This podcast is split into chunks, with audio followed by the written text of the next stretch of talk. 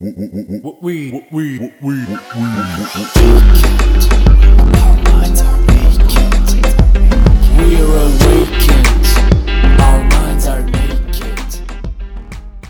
Pozdrav svima, ja sam Martina Đokić, a vi slušate podcast Mentalni nudista. Nalazimo se u epizodi broj 68 i u ovoj epizodi govorit ću malo o tome koliko smo strogi prema sebi, i da li uopće primjećujemo to koliko smo strogi prema sebi ili tako furamo to, ta neka očekivanja i pritiske i rokove i taskove i ciljeve i obaveze i svašta nešto bez da se nekad osvrnemo i provjerimo koliko je to sve iskreirano u skladu sa nekim našim trenutnim potrebama i kapacitetima i da li uopšte revidiramo te svoje planove u skladu s tim kako se osjećamo u datom trenutku ili prosto sebi namećemo da nešto mora na određeni način, određenim tempom, određeno vrijeme, bez obzira na to kako se mi osjećamo. samo sebe sam inspirisala na ovu epizodu, zato što e, dugo, dugo, dugo sam neko ko od sebe često ima jako visoka očekivanja i negdje e, često zaboravim da jedan segment mog života kojem sam posvećena je već sam po sebi velika i uspješna i super stvar i da zahtjeva i puno energije i truda i vjere i volje i rada i svašta nešto, a ja već to ne primjećujem, nego hoću i da drugi, da treći, da peti segment budu full posloženi i onda tako sebi zadam svašta nešto ovaj, od rokova u skladu sa svojom nestrpljivošću da što prije svašta nešto postignem, a ne u skladu s tim kako se ja osjećam u ovom trenutku i šta bi meni prijalo, koji tempo, koji način da, da dođem do određenih ciljeva generalno, spominjala sam već u nekim ranijim epizodama ekologiju cilja, odnosno to koliko je važno da i put do cilja bude nešto što je negdje njegujuće prema nama. I znam da ne živimo u vrijeme u kojem se njegujući način života negdje propagira, nego se propagira hustle kultura, kidanje i sve ostalo. Ali polako, ali sigurno, sve više priče o njegujućem pristupu i sve meni lično očiglednije koliko kada sebe stavim u centar i svoje, svoje osjećanja, stanja i potrebe kao glavni kriterijum stavim za donošenje odluka, tada sve što radim biva puno i kvalitetnije i istinistije i negdje um, ne znam ni samo se izrazim, ali genijalnije urađeno jer sam to uradila u, u iz osjećaja koji je bio ispravan, iz, iz energije koja je bila pokretačka, iz nekog, iz prave inspiracije i tako dalje. Ono što negdje eh, je glavni izazov u tome da primijetimo kako se osjećamo i da negdje uskladimo s tim svoje planove, jeste to što postoji glava i postoji tijelo i opet već sam i pričala o tome koliko smo mi svi više zarobljeni u svojoj glavi, a koliko jako malo slušamo svoje tijelo, a u suštini tijelo je jedan fenomenalan centar za informisanje i, i, i, i znanje i svašta nešto. I u našem tijelu se nalaze i naše emocije, i u našem tijelu se nalaze i neka, da kažem, e, i, i, i pa, ono, nervni sistem koji, koji kroz naše tijelo pokazuje da li se osjećamo dobro ili smo upali u neki trigger, stres, strah, anksioznost ili osjećamo mir, sklad i tako dalje. Tako da u našem tijelu je većina informacija i to da li smo umorni ili smo gladni ili smo iscrpljeni, sve se nalazi u tijelu. Međutim, ono što primjećujem je da se jako malo obraća pažnje na te potrebe tjelesne i mnogo više i emo, emocionalne jel, koje se nalazi u tijelu, a mnogo više se e, ljudi bave tom nekom misaonom strukturom. Znači, ako je ovo zacrtano i određeno i isplanirano, što je logika, što je um, e, toga se moramo pridržavati, a zanemarit ćemo u datom trenutku kako se osjećamo i u kakvom smo nekom i fizičkom stanju, jer prosto sve mora da se prilagodi tom mentalnom naumu koji smo smislili i ono, plan je plan, moramo njega da se držimo. Međutim, eh, meni je postalo jako zabavno poslednjih mjeseci da se igram s tim da osjetim trenutak za neke stvari i mislim da ja razumijem da ja imam taj luksus da mogu sebi da, da kažem, odrađujem i kako će da mi izgledaju dani, kada ću šta da radim i koji projekat ću da stavim u, centar i tako dalje. Ali eh, svi mi to možemo na raznim nekim nivoima. Od toga E, mislim, kao kažem, svi možemo da raskrčimo svoje dane i da ih napravimo tako da budu njegujući prema nama. Pa ono, ako treniramo, da napravimo da treniramo u doba dana i u skladu s tim kada nam se trenira i koliko nam se trenira i šta nam se trenira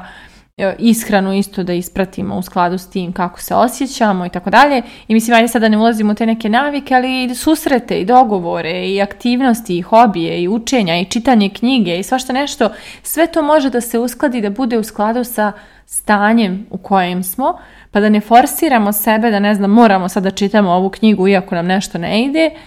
jer Očito nije joj trenutak i naše emocije i, naše stanje nam govori da ta knjiga ne može da se apsorbuje trenutno jer ne osjećamo inspiraciju da je čitamo. E, isto je sa susretima sa određenim ljudima, pa sa određenim hobijima i tako dalje. I svašta nešto mi sebi tu nametnemo jer želimo da ostvarimo neka očekivanja koja smo sebi odredili pa da ostvarimo očekivanja da njegujemo, ne znam, i društveni život, i zdravlje, i karijeru, i ovo i ono. I kao njegujući to, zapravo mi najmanje njegujemo sebe nekad. Znači, nekad smo toliko stavki postavili sebi koji služe kao dokaz toga da smo, da smo iskoristili svoje potencijale, što bi rekla jedna moja klijentica, i da smo nekako baš kao iskoristili ovaj život E nekad mi to sve tako nametnemo, a zapravo ne stižemo da iskoristimo život jer sve to radimo s pola snage i pola energije ili sve to radimo protiv svoje volje u nekim trenucima i samim tim to i nije neki izživljeni život. Nekad je zapravo najveća upotreba svojih potencijala leći na livadu i gledati u nebo, jer tada u tom miru, tišini i uzemljenju mi ćemo osjetiti neke emocije koje su lepše nego da smo ne znam šta postigli ili ćemo doći do nekih ideja koje su kvalitetnije nego da smo, ne znam, zavrnuli rukave i sjedili za kompjuterom cijeli dan i tražili ideju po internetu. Tako da nekad samo osluškivanje toga da li nam treba odmor, da li nam treba pauza, da li nam treba ubrzavanje ili usporavanje tempa, da li nam je ovaj hobi sada neophodan ili ovaj, ovaj projekat ili ova osoba ili šta god, znači da li imamo zaista u sebi elan da to sprovedemo ili smo samo sebi to nametnuli gradeći ideju da ako radimo te stvari mi živimo neki uspješan život. A zapravo jedini uspjeh i to se sad zaista sve više redefiniše u ovom svijetu, ali jedini uspjeh je da li se dobro osjećamo u svojoj koži, da li smo mi u miru, u zbrinutosti, u, lakoći, u njegovanosti, u resursnosti i tako dalje, jer kada jesmo, kada smo mi dobro, kada mi sebe zbrinemo, mi smo onda, nama je onda dobro u našoj koži. I recimo ja često dobijam komentar kod, od ljudi koji po prvi put provode vrijeme sa mnom kako imam smirenu energiju. A mislim, ne imam je uvijek da se razumijemo, ali kao imam vjerovatno u poslednje vrijeme ili vjerovatno u odnosu na neke ljude imam smirenu energiju i moj nervni sistem jeste smireniji u odnosu na mnogo ljudi i mene ne potrese svašta lako, u smislu ne vidim stres u svemu živom, jer sam prosto radila na tome, ali ja nekako sve to nastalo iz toga što sam ja pratila svoje potrebe gdje sam ja osluškivala jel se meni bude ovdje ili bude onda, jel se meni radi ovo ili radi ono, uh, s kakvim ljudima mi se provodi vrijeme, koliko mi se vremena provodi s tim ljudima uh, i tako dalje. Znači prosto osluškivala sam potrebe i slušajući te potrebe to me prirodno vodilo ka ka tome da se ja osjećam bolje u svojoj koži, da stvari koje radim budu kvalitetnije jer ih radim u trenutku kada osjetim da su prave i da želim da ih radim i da sam inspirisana, a ne u trenutku kad sam ja mentalno odredila nešto pa kao mora to sad jer sam ja to tako zacrtala. Tako je bilo s NLP practitionerom. Znam da sam ovaj, e, rekla da ću u februaru da pravim grupu, međutim ja nisam osjećala energetski, emocionalno da, da želim to u februaru, kad je došao taj februar, jer sam ja imala i nekih i, ono, i januara i februara obaveza koje kakvih. I shvatila sam da ne uspjevam da se negdje inspirišem za to i onda sam malo negdje preslagala se, provjeravala šta, šta me koči, šta me ne radi u svemu tome i kada sam to negdje posložila i napravila neki lijep cilj, skontala šta želim, kako želim, tako dalje, ja sam jedva čekala da postavim datume, da napravim landing page, da počnem da obavještavam ljude da taj praktičner počinje i da upišem grupu. Znači, to sam radila ono baš u pravom trenutku kada sam se ja osjećala da to jedva čekam. I idem danas recimo ja sam osoba koja ima tendenciju da prevede po 2-3 dana u kući sama, zato što mi u tom trenutku treba da mirujem i da saberem neke utiske koje čega što se dešavalo, ne znam, u prethodnom periodu ili da negdje neke odluke malo pustim da mi se slegnu, da ih sagledam iz nekih novih uglova, ali u svakom slučaju pratim, jel mi se miruje, jel mi se kreće, jel mi se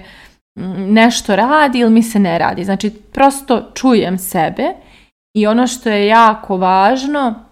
a što je neka moja nova vještina, naučila sam i da drugima iskomuniciram svoje potrebe i da negdje ne stidim se toga ako imam određenu potrebu, jer često, mislim, to nikad nije ništa lično vezano za tu osobu, to je uglavnom vezano za moju datu potrebu da se, ne znam, na ovaj ili onaj način pobrinem za, za, svoje stanje. Tako da e,